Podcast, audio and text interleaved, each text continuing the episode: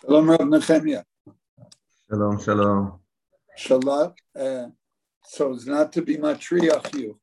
Uh, I sent you the outline for you to Okay. just fill in a few things. I spoke to Rav Zolti. Mm. So his topic will be Shomea Kaona, but he said he I doesn't a, I know. have a problem because I didn't get a confirmation about his apartment yet. Right, that's what he told me. He said right now he has no idea. One second, one second. I'm arranging the. Uh, one second. The camera I'm arranging here. The setting Where'd you get this background from? here. He's got some white lights. I- I've got the northern. Uh, Northern lights in Alaska. yeah. Oh, wait. אוקיי, שלום לכולם, אנחנו נמצאים במלכים א', בפרק ט"ו, אנחנו נמצאים בפסוק ט'.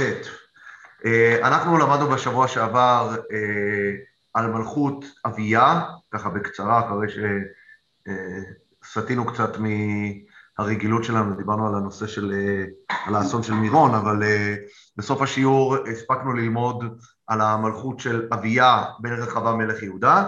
נשאר לנו חוב מהשיעור הקודם אה, בנושא של המשפחולוגיה שמה, בנושא של הסתירה בנוגע להאימא של, האישה, האישה של, אה, אפשר להגיד ככה, האימא של אביה והאימא של עשה. עוד שנייה אנחנו נראה במה מדובר, יש כאן סתירה שאנחנו נדבר עליה. אגב, אני גם, מראש אני מתנצל, גם היום אנחנו אה, נצטרך לקרוא בתוך ספר דברי הימים, אבל בלי נדר זה הולך להיות השיעור האחרון שנעשה את זה בצורה כזאת, אה, כי באמת ספר דברי הימים אה, בשלושת המלכים המדוברים, שזה רחבעם, אביה ועשה, פשוט כותב הרבה יותר מאשר ספר מלכים כותב, יותר מפי, לפעמים פי שלוש, פי ארבע ופי חמש, ממש ככה, וגם אצל עשה זה יחזור על עצמו, שאצלנו נזכר בקצרה, ושם זה נכתב באריכות, וכדי להבין מה קורה פה היטב, עלינו כל הזמן לדפדף בין ספר מלכים לספר דברי הימים. אז בואו נקרא קודם כל אה, את הפרשייה בספר מלכים. אנחנו נמצאים במלכים א', פרק ט"ו, פסוק ט'. ובשנת עשרים לירבעם מלך ישראל מלך עשה מלך יהודה.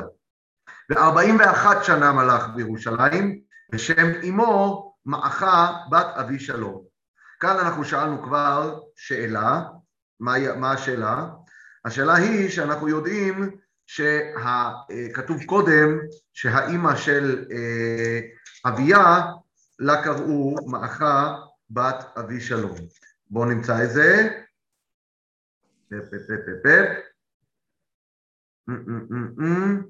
למה אני לא מוצא את זה עכשיו?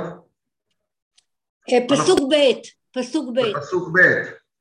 כן, שלוש שנים הלך בירושלים ושם אמו מעכה בת אבי שלום. זאת אומרת, לפני כן כתוב שהאימא, יישר כוח, לפני כן כתוב שהאימא של אה, אביה זה היה מעכה בת אבי שלום, כאן כתוב שהאימא של עשה זה היה מעכה בת אבי שלום. לא מסתבר שגם לאימא וגם לסבתא של עשה קראו הסבתא באותו... גידלה אותו, נו. הסבתא גידלה אותו. או, או, בוא, בוא נראה מה קרה פה, האם מדובר שהסבתא גידלה אותו, יש כל מיני כיוונים, אני בינתיים שנייה רוצה להשאיר את השאלה הזאת אה, פתוחה. יש כאן עוד הערה שצריך לשים לב אליה, וזה פתיח הראשון שיש לנו למלכות עשה, 41 שנה זה המון זמן. אנחנו מכירים, אה, אנחנו נראה המלכים שמלכו גם במלכות ישראל וגם במלכות יהודה, משך המלכות הוא בדרך כלל לא רק מאפיין של הבריאות או תוחלת החיים של המלך המולך, אלא זה בדרך כלל גם מאפיין של יציבות. אנחנו רואים אצל מנשה 52 שנה, אצל עשה 41 שנה, יש את ירבעם בממלכת ישראל, ירבעם השני, מולך 40 שנה. מלכות ארוכה זה סימן ליציבות ולעוצמה בספר מלכים בכל הפעמים, אנחנו נראה שאצל עשה זה גם כך. הריבוי השנים האלה מלמד אותנו על שנים מאוד חזקות ועוצמותיות, על מלך מאוד משמעותי וחזק. בואו נראה. ויעש עשה הישר בעיני השם כדוד אביו, או סוף כל סוף אנחנו מקבלים מלך עם ציון לשבח. אנחנו זוכרים הרי שספר מלכים הוא ספר שנותן ציונים למלכים. ראינו ששלמה קיבל בהתחלה ציון טוב, אבל בסוף המבחן שלו הוא פישל, נכון, שלמה אהב נשים נוכריות. רחבעם, ספר מלכים נותן לו ציון אה, לגנאי. אביה, ספר מלכים נותן לו ציון לגנאי. עכשיו אנחנו מגיעים לפעם ראשונה למלך שכתוב עליו שעשה הישר בעיני השם כדוד אביו. וואו. טוב, אנחנו מבינים שמדובר כאן במלך צדיק וטוב, הרבה יותר מקודמיו, הרבה יותר מאבא שלו וסבא שלו כנראה. סבא רבא זה כבר שלמה המלך, אני לא יודע, זה כבר סיפור יותר מורכב, אבל כאן באמת אה, זה משמעותי. אפרופו מה שדיברנו אגב על משך המלוכה, אני רוצה שתשימו לב, כמה שנים עברו מאז ששלמה מלך עד שעשה נהיה מלך על ישראל? תגידו לי אתם, בואו נראה אם אתם טובים בחשבון. כמה שנים, מה זה? משלמה? כן, משלמה עד עשה, כמה שנים עבר?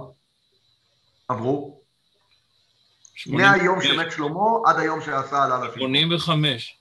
ממש לא. רחבעם בן שלמה מלך, אה. כמה שנים הוא מלך? 17 שנה. 17 ועוד 41 ועוד 3. לא, לא, לא, לא, לא, לא, לא, אתה מדלג כאן על דור. אני שאלתי כמה שנים עברו מאז שמת שלמה עד שעשה עלה לשלטון? התשובה היא עשרים שנה בלבד. זאת אומרת, עשרים שנה מפרידות בין הסבא רבא לנין שלו שמולך. שעוד פעם, שימו לב, דוד המלך מלך ארבעים שנה, שלמה מלך ארבעים שנה, רחבעם ואביה ביחד מלכו עשרים שנה, רחבעם שבע עשרה שנה, אביהם שלוש שנים. אנחנו עכשיו פוגשים את עשה, עשה שוב פעם ארבעים ואחת שנה. זה עצמו כבר מספר לנו את הסיפור. שאם אנחנו רוצים לשים את עשה, עשה הוא שייך למחלקה של דוד ושלמה. לעומת זאת, יש את המלכים באמצע שזה רחבעם ואביעם, המלכים האלה הם כמו שבספר מלכים, ספר מלכים נתן להם ציון גרוע, ולכן בגלל שהוא נתן להם ציון גרוע, אז הנה אתם יכולים להגיד שלום לצטרפה אלינו בשיעור. בגלל שנתן לנו ציון גרוע, אז אה, אה, הוא באמת מולך, הם הולכים הרבה פחות זמן לעומת אה, רחבעה, לעומת עשה שמולך הרבה שנים, אוקיי? בואו נמשיך. ויעבר הקדשים מן הארץ ויסר את כל הגילולים אשר עשו אבותיו, זאת אומרת, יש לנו את רחבעם ואביה, וכמובן גם שלמה בסוף ימיו, כמו שכתוב בפסוקים, שהכניסו עבודה זרה, עשה מנקה את השטח מעבודה זרה. ושימו לב עכשיו לפסוק הזה, כי הוא מאוד משמעותי. וגם את מאחה עמו, ויסיריה מגבירה, אשר עשתה מפלצת לעשירה, ויכרות עשה את מפלצתה וישרוף בנחל קדרון. מה כתוב כאן? כתוב כאן דבר שצריך לשים לב אליו. הוא גם במסגרת הניקוי אורוות שהוא עושה פה, שהוא מחריט עבודה זרה מן הארץ, אז ממשיך, ממשיך פה הפסוק. לא רק שהוא הסיר את הגילולים ואת הקדשים ואת כל אשר עשו אבותיו, גם את מאחה עמו ויסיריה מגבירה. מה זה ויסיריה מגבירה? הכוונה היא שהיה מעמד, שנקרא מעמד הגבירה, כמו שאנחנו מכירים, יש היום באנגליה מה שנקרא המלכה האם, כן? היה מעמד, היה סטטוס של שלטון שקראו לזה גבירה, אם המלך. אז קודם כל מה הוא עושה? הוא לוקח את מאחה אמו, שאנחנו עדיין לא יודעים אם היא אימא שלו או סבתא שלו, שאלנו את השאלה הזאתי, ויסירה מגבירה, קודם כל הוא מבטל את התקן, הוא מבטל את התואר הייחודי הזה שנקרא גבירה, כן? חוץ מזה, הוא לוקח את המפלצת שעשתה, כן, לעשירה, שזה אומר איזשהו אה, פסל מאוד גדול וייחודי שהיא עשתה לעבודה זרה, ויכרות את מפלצתה וישרוף בנחל קדרון, הוא כורת את השירה, את המפלצת הזאת, והוא מבטל אותה. והבמות לא סרו. מה, הוא, מה אומרים כאן הבמות לא סרו? זה קשור למה שאמרנו לאורך כל הדרך. הבמות לא היו עבודה זרה, הבמות היו עבודת השם מחוץ לבית המקדש. אז אומרים, את העבודה זרה הוא חיסל. מה נשאר? נשאר העבודה, עבודת השם מחוץ לבית המקדש, זה הוא לא הצליח עדיין לחסל, רק לבב עשה, היה שלם עם השם כל ימיו. הוא לכשעצמו היה מלך צדיק כל ימיו. ויבא קודשי אביו וקודשי בית השם, כסף, זהב וכלים. זה פסוק מוזר. הפסוק הזה יש בו בעיה תחבירית. לאן הוא הביא אותם? ויבא את קודשי אביו, הייתי אומר, וקודשי משהו אל בית השם, אבל זה לא כתוב כאן. כדי להבין את הפסוק הזה אנחנו נצטרך לראות בדברי הימים איך הפסוק הזה כתוב, ואז יהיה לנו כאן תיקון. אבל כרגע זה לא, לא מובן כאן מה, מה, מה מתכוונים להגיד פה, מה, מה זה הקודשי אביו וקודשי בית השם, על איזה קודשים מדובר כאן, למה הוא הביא אותם, מה הרקע לדבר הזה, מה זה בעצם מספר לנו. בואו נמשיך. ומלחמה הייתה בין עשה ובין באשה מלך ישראל כל ימיהם.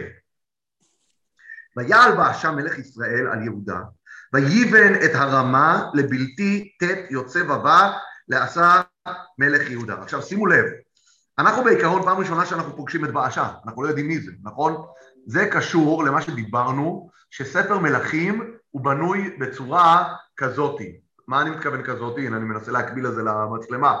מספרים לי על מלכי יהודה, ומספרים על מפגשים שלהם עם מלכי ישראל הבאים. מסיימים לספר על מלכי יהודה, הופ, חוזרים ברוורס, ויספרו לנו איך אותם מלכי ישראל שדיברנו עליהם בהקשר של מלכי יהודה, הם עלו לשלטון, מספרים על מלכי ישראל, ובאמצע יזכירו לנו מלכי יהודה שאנחנו עדיין לא מכירים. אבל קודם כל יסיימו את הסיפור. יסיימו את הסיפור, יגידו לנו, או, oh, אנחנו הזכרנו כאן את אותם מלכי יהודה, בואו נחזור אחורה ונספר איך הם עלו לשלטון. זאת אומרת, אנחנו כל הזמן הולכים צעד קדימה, אה, שתי צעדים קדימה, צעד אחורה. שתי צעדים קדימה, צעד אחורה. הבנתם? זה ככה זה עובד בין מלכות ישראל למלכות יהודה, וגם פה אנחנו פוגשים את באשה. באשה הוא מלך ישראל שעלה אחרי שהוא מחריט את בית ירבעם, כן? זאת אומרת אחרי שגם ירבעם וגם נדב בנו מספיקים להיות מלכים, עולה באשה לשלטון, אנחנו לא יודעים את הסיפור המלא ואני לא רוצה להרוס לכם את המתח, זה יהיה בעזרת השם בסוף הפרק שלנו, אבל הוא מלך ישראל והוא מלך ישראל שמולך במקביל לעשה. ומה כתוב כאן? שהייתה מלחמה בין עשה ובין באשה מלך ישראל כל ימיהם.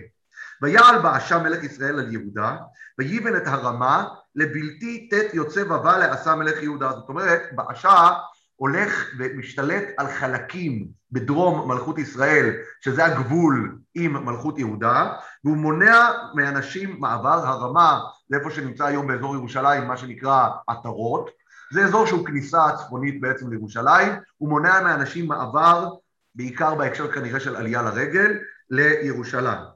שימו לב איך מגיב עשה, פסוק י"ח: ויקח עשה את כל הכסף והזהב הנותרים באוצרות בית השם ואת אוצרות, מה זה הנותרים באוצרות בית השם? לכאורה אנחנו יודעים שכבר בימי רחבעם רוב הכסף שהיה באוצרות בית השם הלך לאבדון, שישק, זה ניתן כבר לשישק. אז השאלה שצריכה להעסיק אותנו פה זה כבר מה נשאר שם, מגיני נחושת, זה המגיני נחושת שהוא לוקח אותם, אבל בואו נראה מה הוא עושה. כתוב כאן כסף וזהב, אנחנו לא יודעים שיש כסף וזהב בכלל. ממה שאנחנו יודעים בפעם האחרונה שפגשנו, נשארו מגיני נחושת שהפסוקים ממש מתנצלים. שהם אומרים שכשרחבעם, אחרי שהוא היה צריך לתת את כל הזהב לשישק מלך מצרים כדי שיעלה מעליו, אז הוא אה, משתמש במגיני נחושת, שגם אותם לא משתמשים בהם כל הזמן, אלא כל פעם שרחבעם מגיע, מוציאים אותם, זה כמו, אתם מכירים את זה, שכשמגיעים אורחים חשובים, מורידים את ה, אה, כלי הקריסטל היפים, פותחים אותם ומניחים אותם לשולחן, אז ככה זה היה עם אה, רחבעם ומגיני הנחושת. אבל פה בעצם מדובר כאן פתאום על כסף הנותר באוצרות בית השם ואת אוצרות בית המלך ויתנם ביד עבדיו ומה עושה עשה עם הכסף הזה? וישלחם המלך עשה אל בן הדד בן תדרימון בן חזיון מלך ארם היושב בדמשק לאמור הוא פונה למלך ארם שהוא צפונית לממלכת ישראל בדמשק כן ומה הוא אומר לו? ברית ביני ובינך, בין אבי ובין אביך אנחנו יודעים שיש ברית ארוכת שנים בין ארם לבין ממלכת דוד. אנחנו יודעים שהיה שם עליות ומורדות בעניין הזה, כן? אצל, אה, אצל, אה, אה, גם אצל דוד וגם אצל שלמה היה שלב מסוים שהיו אנשים שנשלחו וחזרו מגולחים חצי זקניהם, נכון? אבל על כל פנים, סליחה, זה היה דווקא עם נחש העמוני, זה לא היה עם ארם.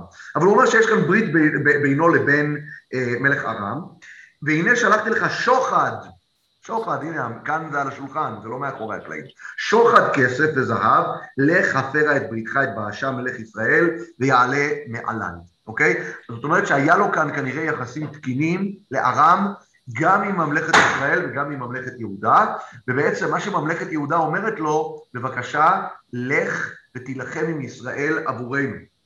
שימו לב, בן הדד מקבל את השוחד, פסוק כ', וישמע בן הדד אל המלך עשה, וישלח את שרי החיילים אשר לו על ערי ישראל, ויח את עיון ואת דן ואת אבל ואת מעכה ואת כל כנרות על כל ארץ נפתלי, כל אזור הצפון. כל אזור הצפון מותקף על ידי הסורים, ולא סתם מותקף על ידי הסורים, אלא ממלכת יהודה משחדת את הממלכה הסורית, הארמית, ללכת ולהתקיף את הצפון בשבילה, למה? כי הוא כועס על באשה שכבש את אה, אה, אזורים בבנימין, אותם אזורים שהוא אה, באזור הרמה, שהוא מונע דרכם את המעבר בין ממלכת ישראל לממלכת יהודה הדרומית, ולכן הוא מתנקם בו דרך מלך זר. שימו לב, בואו נראה מה קורה. ויהי כשמוע באשה, ויחדל לבנות את הרמה. באשה הבין את המסר. אחרי שבאשה מתחיל לבנות את הרמה, מה זה לבנות את הרמה? הוא בונה שם כנראה עיר, עיר מבצר כדי למנוע את המעבר הזה. באשה פתאום מקבל חזית מצפון, הוא לא יכול להתמודד עם שתי חזיתות בו זמנית, אז הוא מפסיק, ויש שם בתרצה. מה זה בתרצה? הוא חוזר לעיר הבירה, והוא עוזב את ממלכת יהודה. מה קורה לדבר הבא? והמלך עשה השמיע את כל יהודה אין נקי, והכוונה הוא קורא לכולם, ויישאו את אבני הרמה ואת עציה, יש לו שם כנראה הרבה חומרי בנייה שנשארו מאחורה, אחרי שבעשן נוטש את תוכניות הבנייה הגרנדיוזיות שלו, ויבן בם המלך עשה את גבע בנימין ואת המצפה, משתמשים בחומרי בנייה האלה להקים יישובים חדשים בממלכת יהודה. ויתר כל דברי עשה וכל גבורתו וכל אשר עשה והערים אשר בנה, הלא הם הכתובים על ספר דברי הימים למלכי יהודה, רק לעת זקנתו חלה את רגליו. היה לו איזה מחלת רגליים מאפס בסוף, הוא סבל קצת על הרגליים, וישקע, אני לא סתם אומר את זה בצורה צינית, כי כאן זה נשמע בספר מלכים, שאומרים לנו, תשמעו, תדעו שקצת בסוף ימיו כאב לו הרגליים קצת. אבל אנחנו עוד שנייה נראה שזה הרבה יותר מזה. ואז הפסוק, מסיים, וישכב עשה עם אבותיו, ויקבר עם אבותיו בעיר דוד אביו, וימלוך יהושפט בנו תחתיו. לכאורה תיאור קצר וממצה, אם נסכם את זה, מדובר במלך צדיק, מדובר במלך שמצליח, מה שנקרא, להחריט עבודה זרה מהארץ, אלא רק הדבר היחיד שנשאר זה הבמות, הוא היה ישר והיה שלם עם השם, אנחנו יודעים שהוא מצליח לקחת את התפקיד הזה של הגבירה שהיה אצל מעכה, לבטל את התפקיד וגם כמובן להחריט את העבודה הזרה שלה, ואנחנו למדים ש... יש... אני שומע רעשים. ואנחנו למדים שיש מלחמה שמתפתחת בינו לבין בעשה, ובמלחמה הזאת אנחנו רואים שהוא צריך לשחד את הארמים כדי שיילחמו בממלכת ישראל. ספר מלכים לא מעביר עליו ביקורת בכלל על הדבר הזה, לכאורה נראה... מה קרה בתוך דור אחד? הלא למדנו שרחבעם, למשל, היה, אם הוא היה רוצה להילחם נגד ירובעם, אז הוא היה יכול לנצח נגדו. שאלה מעולה. למה הוא חייב... שאלה מעולה, כי אנחנו נראה, הרי רחבעם בדבר הזה הוא מחזיק במסורת אבותיו. הרי גם אבא שלו, אביה, עלה להילחם עם ממלכת ישראל. הדבר הזה לא מופיע בספר מלכים, נכון? אבל אנחנו למדנו על זה בספר דברי הימים. זאת אומרת, אנחנו רואים כאן דבר מעניין. שלוש דורות של מלכים, כן? כאשר אה, הסבא, רחבעם, רוצה להילחם, אבל הנביא שמעיה עוצר בעדו, אז הוא לא נלחם. אביה עולה להילחם, נלחם וגם מצליח, אפילו מקבל איזושהי מתנה מהקדוש ברוך הוא, ישועה, כן? והוא מצליח להכות 500 אלף איש בממלכת יהודה, חצי מיליון איש מתים על ידי אביה בממלכת יהודה, ואנחנו רואים שעשה גם יש מלחמה בינו לבין ממלכת ישראל. אנחנו נראה דבר מעניין, אם כבר הערת את הנושא הזה, לא תכננתי לדבר על זה כל כך הרבה עכשיו, שמה יקרה בדור הבא אצל יהושפט? יהושפט כורת ברית עם אחאב. פתאום אנחנו רואים אחדות בין ממלכת ישראל לממלכת יהודה, לא רק אחדות, אלא אפשר להגיד הדבר הכי הפוך מאבא שלו. אם אבא שלו, שזה עשה, משלם לארמים כדי להילחם עם ממלכת ישראל, אצל יהושפט, יהושפט מצטרף עם אחאב כדי להילחם במי? בארם. הכי הפוך שיכול להיות. הוא, ממלכת יהודה, יחד עם ממלכת ישראל, עולים להילחם בארם. אותו ארם, שרק דור אחד קודם, ממלכת יהודה, כרתה איתם ברית כדי להילחם נגד ישראל. תראו איזה שינוי. אנחנו נראה אם נספיק לדבר על הנושא הזה, אבל בהחלט ההערה במקום על מה שנקרא, על ההתפתחות הזאת ביחס, ביחסים שבין ממלכת יהודה לממלכת ישראל. אין ספק, וזה אנחנו למדים כאן, שגם בימי אביה וגם בימי עשה יש מלחמה בין ממלכת ישראל לממלכת יהודה. בואו נראה, אנחנו צריכים עכשיו לפתוח את ספר דברי הימים כדי להבין מה קורה פה, וכמו כרגיל, כמו שאמרנו, אם ספר מלכים כותב בקצרה, ספר דברי הימים כותב באריכות רבה פה. איפה דברי הימים אגב חוסך לנו בדיבורים? כל הדברים שנוגעים כמובן לממלכת ישראל, הוא לא ידבר עליהם בכלל. נכון, אליהו הנביא נזכר ככה באיזשהו רמז בספר דברי הימים. כל המלכים של ישראל וכל, לא, לא זוכים ל, ל, לאזכור בכלל משמעותי, כי ספר דברי הימים אמרנו זה ספר דברי אה, מלכי יהודה. אז בואו נפתח, נפתח בדברי הימים ב' בפרק, רגע רגע רגע, בואו נראה, בפרק י"ד. י"ד, דברי הימים ב', פרק י"ד. יש לכם? כן. אוקיי. ויעש עשה, בפסוק של הפרק הקודם כתוב, וישכב אביה עם אבותיו, ויקברו אותו בעיר דוד, וימלוך עשה בנו תחתיו, בימיו שקעה הארץ עשר שנים. בואו נראה מה, מה קורה עכשיו. ויעש עשה הטוב והישר בעיני השם אלוקיו. ויסר את מזבחות הנכר והבמות, וישבר את המצבות ויגדע את העשירים. מזכיר לנו את מה שקראנו עכשיו בספר אה, מלכים, נכון? הוא הולך ומחריט את כל העבודה הזרה. ויאמר ליהודה לדרוש את השם אלוקי אבותם, אבותיהם, ולעשות התורה והמצווה, ממש חיזוק שלם בכל הארץ. ויסר, ויסר מכל ערי יהודה את הבמות ואת החמנים, ותשקוט הממלכה לפניו. כאן כתוב שהוא הסיר את הבמות. אצלנו כתוב בספר מלכים שמה? שרק הבמות לא שרו, כאן כתוב שהבמות אפילו שרו. ויבן הרי מצודה, מצורה ביעקב מצור, כי שקטה הארץ, ואין עמו מלחמה בשנים האלה, כי הניח השם לו. זאת אומרת, כשאנחנו דיברנו בשבוע שעבר, וגם בסוף הפרק הקודם, שהיה שקט של עשר שנים, זה מדבר על ימי עשה. בימיו שקטה הארץ עשר שנים, הנה, השם הניח לו, יש שקט. ויאמר ליהודה, נבנה את הערים האלה ונעשה חומה ומגדלים, דלתיים ובריחים, עודנו הארץ לפנינו, כי דרשנו את השם אלוקינו, דרשנו וינח לנו מסביב, ויבנו ויצליחו. ממש האידיליה, מה אפשר לבקש יותר? עבודת השם, אין עבודה זרה, אין במות, יש שקט מלחמתי, ממש הצלחה מדהימה. בואו נמשיך. ויהי לעשה חיל נושא צינה ורומח מיהודה שלוש מאות אלף. זה, מג... כן, מגנים ורומחים, ומבנימין נושאי מגן ודורכי קשת 280 אלף. כל אלה גיבורי חי, נכון? אנחנו יודעים ששבט בנימין הוא תמיד, הם היו הקלעים המובחרים של עם ישראל. נאמר כבר בשבט בנימין, קולע לסערה ולא יחתי. ככה נאמר על שבט בנימין, וגם פה הם אומרים שהם הקשתים. ויצא עליהם זרח הכושי בחיל אלף אלפים ומרכבות שלוש מאות ויבוא עד מרשע. סיפור חדש. סיפור שאנחנו לא מכירים. זרח הכושי, יש כאן כרגע אחד, מלך חדש, שמגיע אליהם עם צבא שאין לו אח ורע, אלף אלפים, מה זה אלף אלפים? מיליון, מיליון חיילים, צבא אדיר, אבל 300 מרכבות, מה זה, זה כלום. זה צבא עם מיליון חיילים ו-300 טנקים, אין פרופורציה אפילו, כן?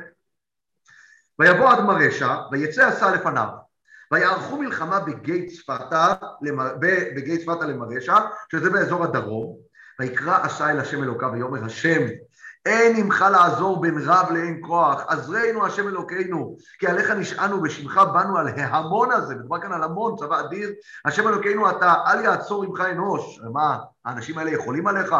הקדוש ברוך הוא אתה איתנו, תעזור לנו לנצח.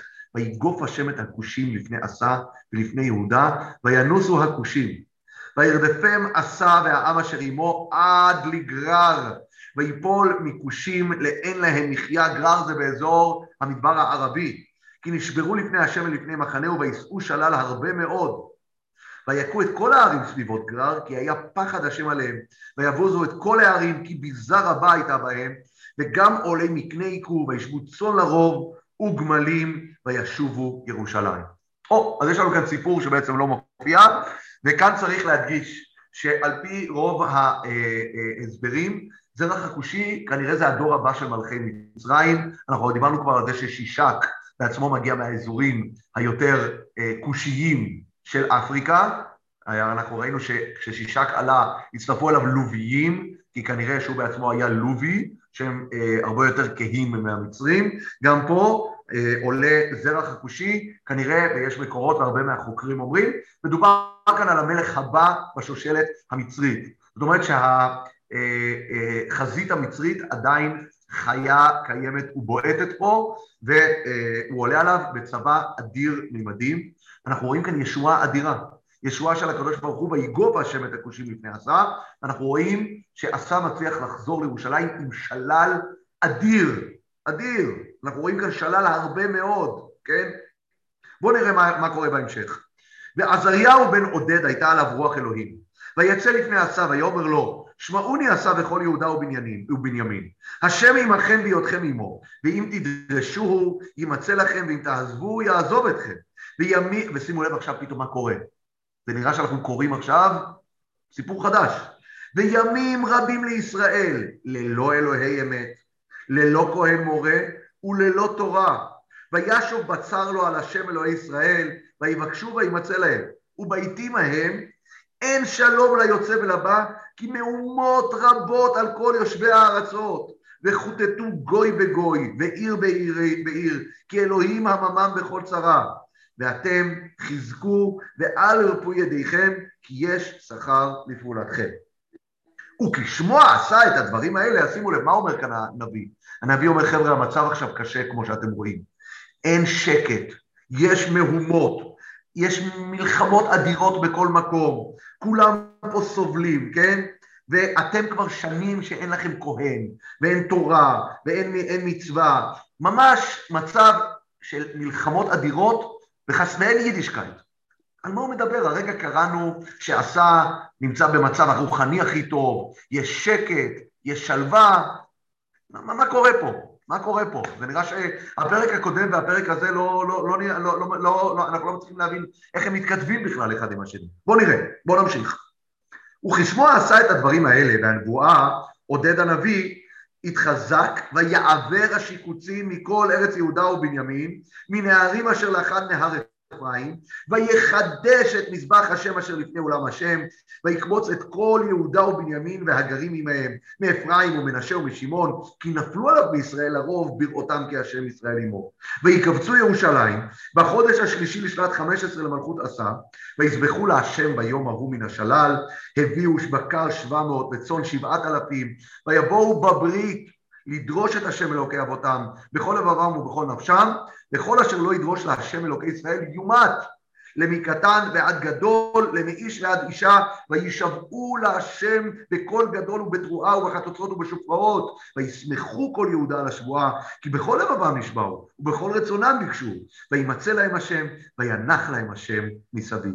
וגם מעכה אם עשה המלך, הסירה מגבירה, אשר עשתה לה אשרה מפלצת, ויכרות עשה את מפלצתה, וידק וישרוף בנחל קדרון, והבמות לא שרו מישראל. רק לבב עשה היה שלם כל ימיו. ויבא את קודשי אביו וקודשיו, בית האלוהים, כסף וזהב וכלים, ומלחמה לא הייתה עד שנת 35 למלכות עשה.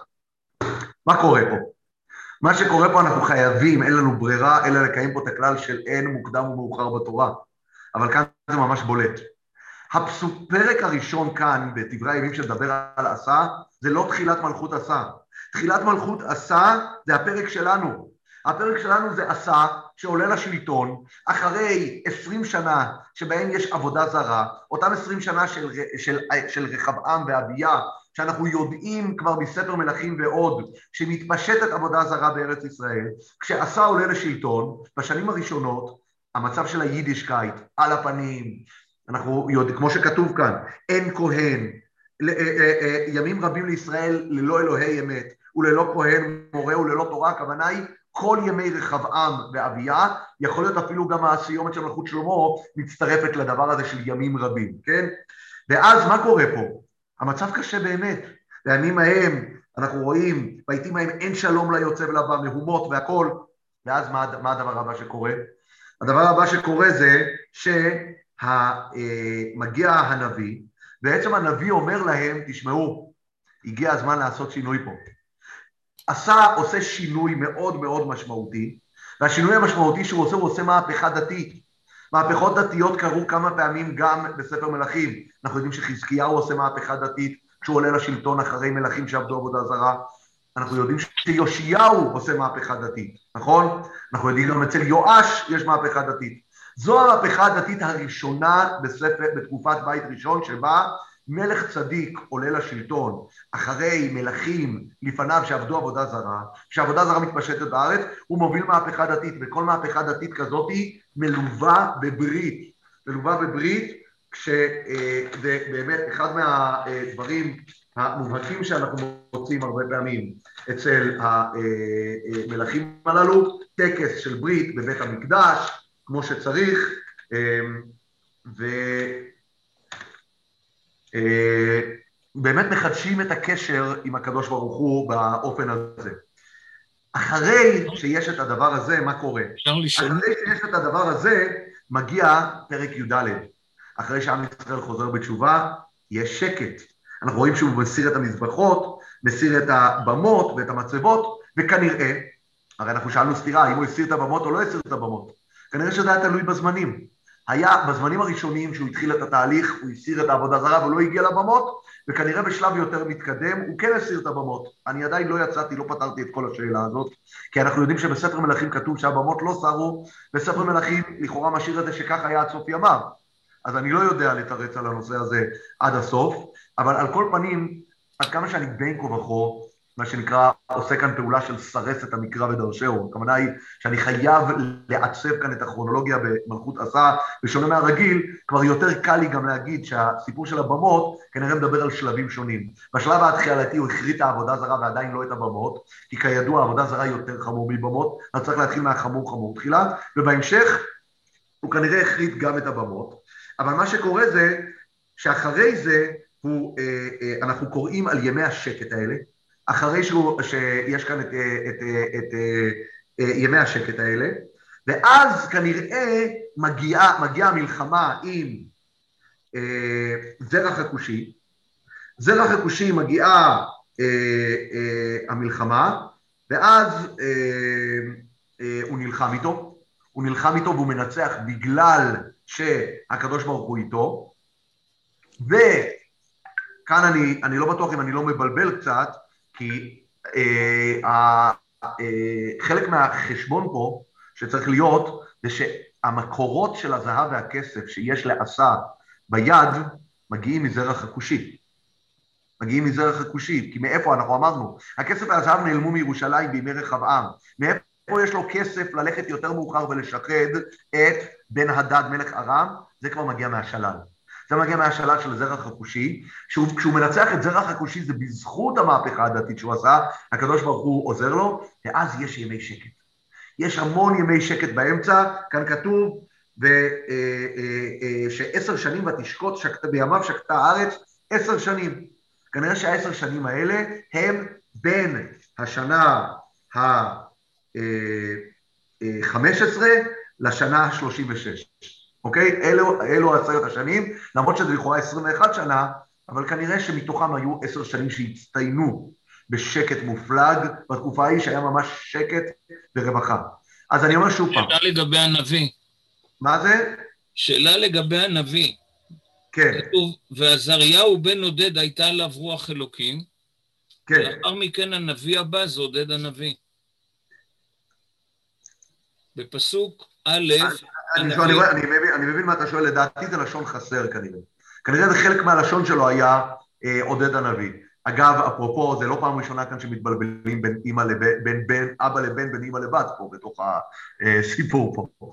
אה, אבל אה, יכול להיות, אגב, וזה קשור למה שאתה אמרת קודם, יכול להיות שהסבתא, מה שנקרא, אה, אנחנו לפעמים קוראים לילד על שם האבא, על שם הסבתא, אבל אה, כן, בהחלט השאלה היא שאלה אה, במקום, אבל אנחנו כנראה מתייחסים אה, כמובן לעזריה בן עודד, וכאן הנביא, הכתוב קורא לו רק על שם האבא, בהחלט.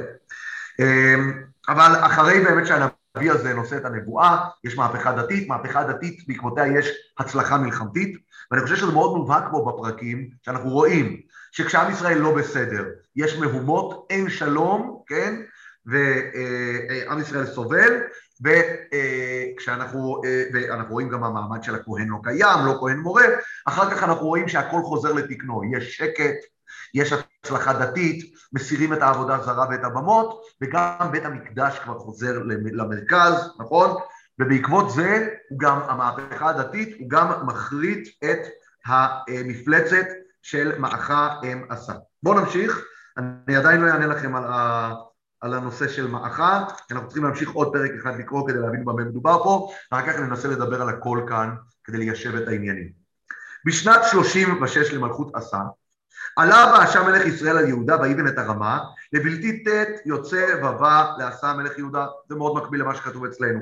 ויוצא עשה כסף וזהב מאוצרות בית השם ובית המלך, וישלח אל בן הדד מלך ארם ויושב בדמשק לאמור. אז שוב פעם, עכשיו אנחנו מבינים מאיפה יש לו כסף וזהב. זה לא שנשאר שם, הרי מה שהיה לרחבעם הוא נתן לשישה. וכאן מדובר כבר על כסף וזהב חדשים, כן? אה, ויוצא עשה כסף וזהב, אמרנו ברית, פסוק ג' ברית ביני ובינך ובין אבי ובין אביך, הנה שלחתי לך כסף וזהב, לך הפר בריתך את באשה מלך ישראל ויעלה מעליו. וישמע בן הדד אל המלך עשה, וישלח את שרי החיילים אשר לא אל ערי ישראל, ויכו את איון ואת דן ואת אבל מים ואת כל מסכנות ערי נפתלי. ויהי כשמוע באשה, ויחדל מבנות את הרמה וישבת את מלאכתו. ועשה המלך, אני קורא את זה מהר, כי זה חזרה על מה שקראנו בספר מלכים. ועשה המלך לקח את כל יהודה ויישאו את אבני הרמה ואת עצי אשר בנה באשה, ויבן בהם את גבע ואת המצפה. בעת ההיא בא חנניה רואה אל עשה מלך יהודה. ויאמר אליו, בהישענך אל מלך ארם, ולא נשענת על השם אלוקיך, על כן נמלט חיל ארם מידיך. הלא הכושים והלובים היו לחי לרוב, לרכב ולפרשים להרבה מאוד, ובהישענך על השם, נתנם בידיך, כי השם עיניו משוטטות בכל הארץ להתחזק עם לבבם שלם, שלם אליו. נשכלת על זאת כי מעתה יש עמך מלחמות. וואו. אז מה הוא אומר לו? הוא אומר לו אה, אה, אה, שהוא לא הקשיב להשם והוא לא סמך על הקדוש ברוך הוא והוא שלח אל מלך ארם לשחד אותו, עכשיו הוא אה, יקבל עונש, יהיה מלחמות. ויכעס עשה אל הרועה, על הנביא, כן, קוראים לו רועה פה, זה מעניין, אנחנו יודעים שרועה זה מה שקראו לו בתקופות הרבה יותר מוקדמות. ויתנאו בית המהפכת, כי בזרף עמו על זאת. הוא שם את הנביא בבית הכלא, זורק אותו לבית הכלא. וירצץ עשה מן העם בעת ההיא, והנה דברי עשה הראשונים והאחרונים הינם כתובים על ספר המלכים ליהודה וישראל. מה זה וירצץ עשה מן העם בעת ההיא? אני לא זוכר, אני שכחתי. מישהו רוצה לבדוק מה מפרשים שם מה זה אומר? וירצץ עשה מן העם? הוא הכריח, הוא הכריח אותם אה, לעבוד בנסיעת חומרי הבניין ממקום למקום. אה, אוקיי, בסדר גמור, תודה, תודה, כן. הוא, הוא בעצם מה שנקרא, אה, שוב פעם, מס עובד, והנה דברי השר הראשונים והאחרונים הינם כתובים על ספר המלכים ביהודה וישראל, ויחלה, אז יחלה עשה בשנת 39 למלכותו ברגליו, עד למעלה חוליו, חוליו, כי בחוליו לא דרש את השם, כי ברופאים. וישכב ועשה עם אבותיו, וימות בשנת 41 למולכו. ויקברו בקברותיו אשר קרא לו בעיר דוד, וישכבו במשכב אשר מילא בסמים וזנים, מרוככים במרקחת מעשה, וישרפו לו שרפה גדולה עד למאות. אז מה אנחנו למדים פה מהסיפור של עשה? אנחנו למדים פה דבר מאוד אה, מעניין, שקודם כל, אם ספר מלכים נותן לו, זה קצת נראה כל הזמן הפוך על הפוך. אנחנו למדנו על, על רחבעם ועל אביה שהם היו מלכים רשעים בספר מלכים, בספר דברי הימים אנחנו מקלים שהם היו מלכים די צדיקים. אצל עשה ספר מלכים נותן לו ציון מאוד מאוד טוב, בספר דברי הימים נותן לו ציון טוב, אבל הוא מסייג את זה. וזה קצת, אנחנו מגלים את הר... שהרמזים נמצאים גם בספר מלכים. למה? אנחנו שאלנו, למה זה כל כך חשוב לנו הפרט הזה, שעשה היה חולה ברגליו בסוף ימיו? נו, אני בטוח שהיה להרבה מלכים ניחושים שונים ומשונים ומחלות לעת זקנתם. כאן אנחנו למדים בספר דברי הימים שהמחלה ברגליים היא אה, בגלל שהוא לא הקשיב לקדוש ברוך הוא. אנחנו יודעים שיש נביא שמגיע אליו ואומר לו שהוא יסבול, וחלק מהסבל שיש לו זה הסיפור הזה של הכאבים שיש לו ברגליים. וצריך לשים לב דבר מעניין, כי יש כאן איזשהו אה, מדרש אה, שם. אה, למה? כי אה, עשה, אתם יודעים מה הפירוש של המילה עשה בארמית? אסותא, בריאות. בריאות. דווקא אותו מלך שיש לו שם אה, בריאות, הוא זה שמקבל אה, את הראשון שאנחנו רואים שהוא נענש במחלה אה, ברגליים. אבל בכל מקרה, מה שאנחנו למדים בספר דברי הימים, שאצל עשה זה עליות ומורדות. ההתחלה היא מאוד קשה, כי הוא יורש ממלכה מלאה בעבודה זרה, יש מהומות, יש ממש מלחמות בין עמים. אחרי, אחרי זה אנחנו רואים שמגיע הנביא, הוא עושה תשובה, הוא חוזר בתשובה והוא מצליח להתחיל לנקות את הארץ מעבודה זרה ואחר כך גם מהבמות. בעקבות התשובה שלו, הוא, עם ישראל נאספים עליו והוא מצליח לחדש את המקדש. אנחנו יודעים שהוא מצליח לנצח את זרח הכושי, ובגלל שהוא מצליח לנצח את זרח הכושי, אנחנו יודעים שהוא יכול גם ללכת וגם לשפץ את בית המקדש, וגם אחר כך יש לו כסף לשחד את מלך ארם, אבל אחרי שהוא משחד את מלך ארם, אנחנו רואים שהוא חוטא בזה, שהוא לא סומך על הקדוש ברוך הוא, שזה דבר מעניין אגב. הביקורת כאן של הנביא היא לא שאתה הלכת ובגדת באחיך, זה לא מה שכתוב כאן, שימו לב. מה כתוב כאן שהביקורת על אה, עשה? למה לא סמכת על הקדוש ברוך הוא? הרי עם זרח הכושי סמכת על הקדוש ברוך הוא, ועכשיו לא סמכת על הקדוש ברוך הוא. הנה, בהישענך על מלך ארם, ולא נשענת על השם אלוקיך, על כן נמלט חיל ארם מידיך. מה? כוחי ועוצם ידי. ברגע שיש לך כסף וזהב, יפה מאוד, אני חושב, וזה, וזה מאוד נכון, הרי אותם כסף וזהב, כמו שאנחנו יודעים, מגיעים ממלחמה שהקדוש ברוך הוא ניצח בשבילו. ויגוף השם, אנחנו רואים, כתוב, ויגוף השם את הכושים. הוא משתמש בכספים האלה, ואנחנו תמיד, דיברנו על זה הרבה פעמים, גם במלחמת יריחו והעי. מי שלוקח, אנחנו שאלנו למה יהושע לא הרשה לאנשים לקחת מהשלל ביריחו, וכאשר אחן לקח מהשלל, זה הפך לכזה חטא נורא. התשובה היא שכשהקדוש ברוך הוא מנצח, השלל הוא שלו. אז גם פה יש כאן אה, איזשהו אה, דמיון של העניין הזה, הקדוש ברוך הוא מנצח עבורם אה, את הכושים. הגיוני לקחת את השלל הזה ולהשתמש בו בשביל קודשי בית השם.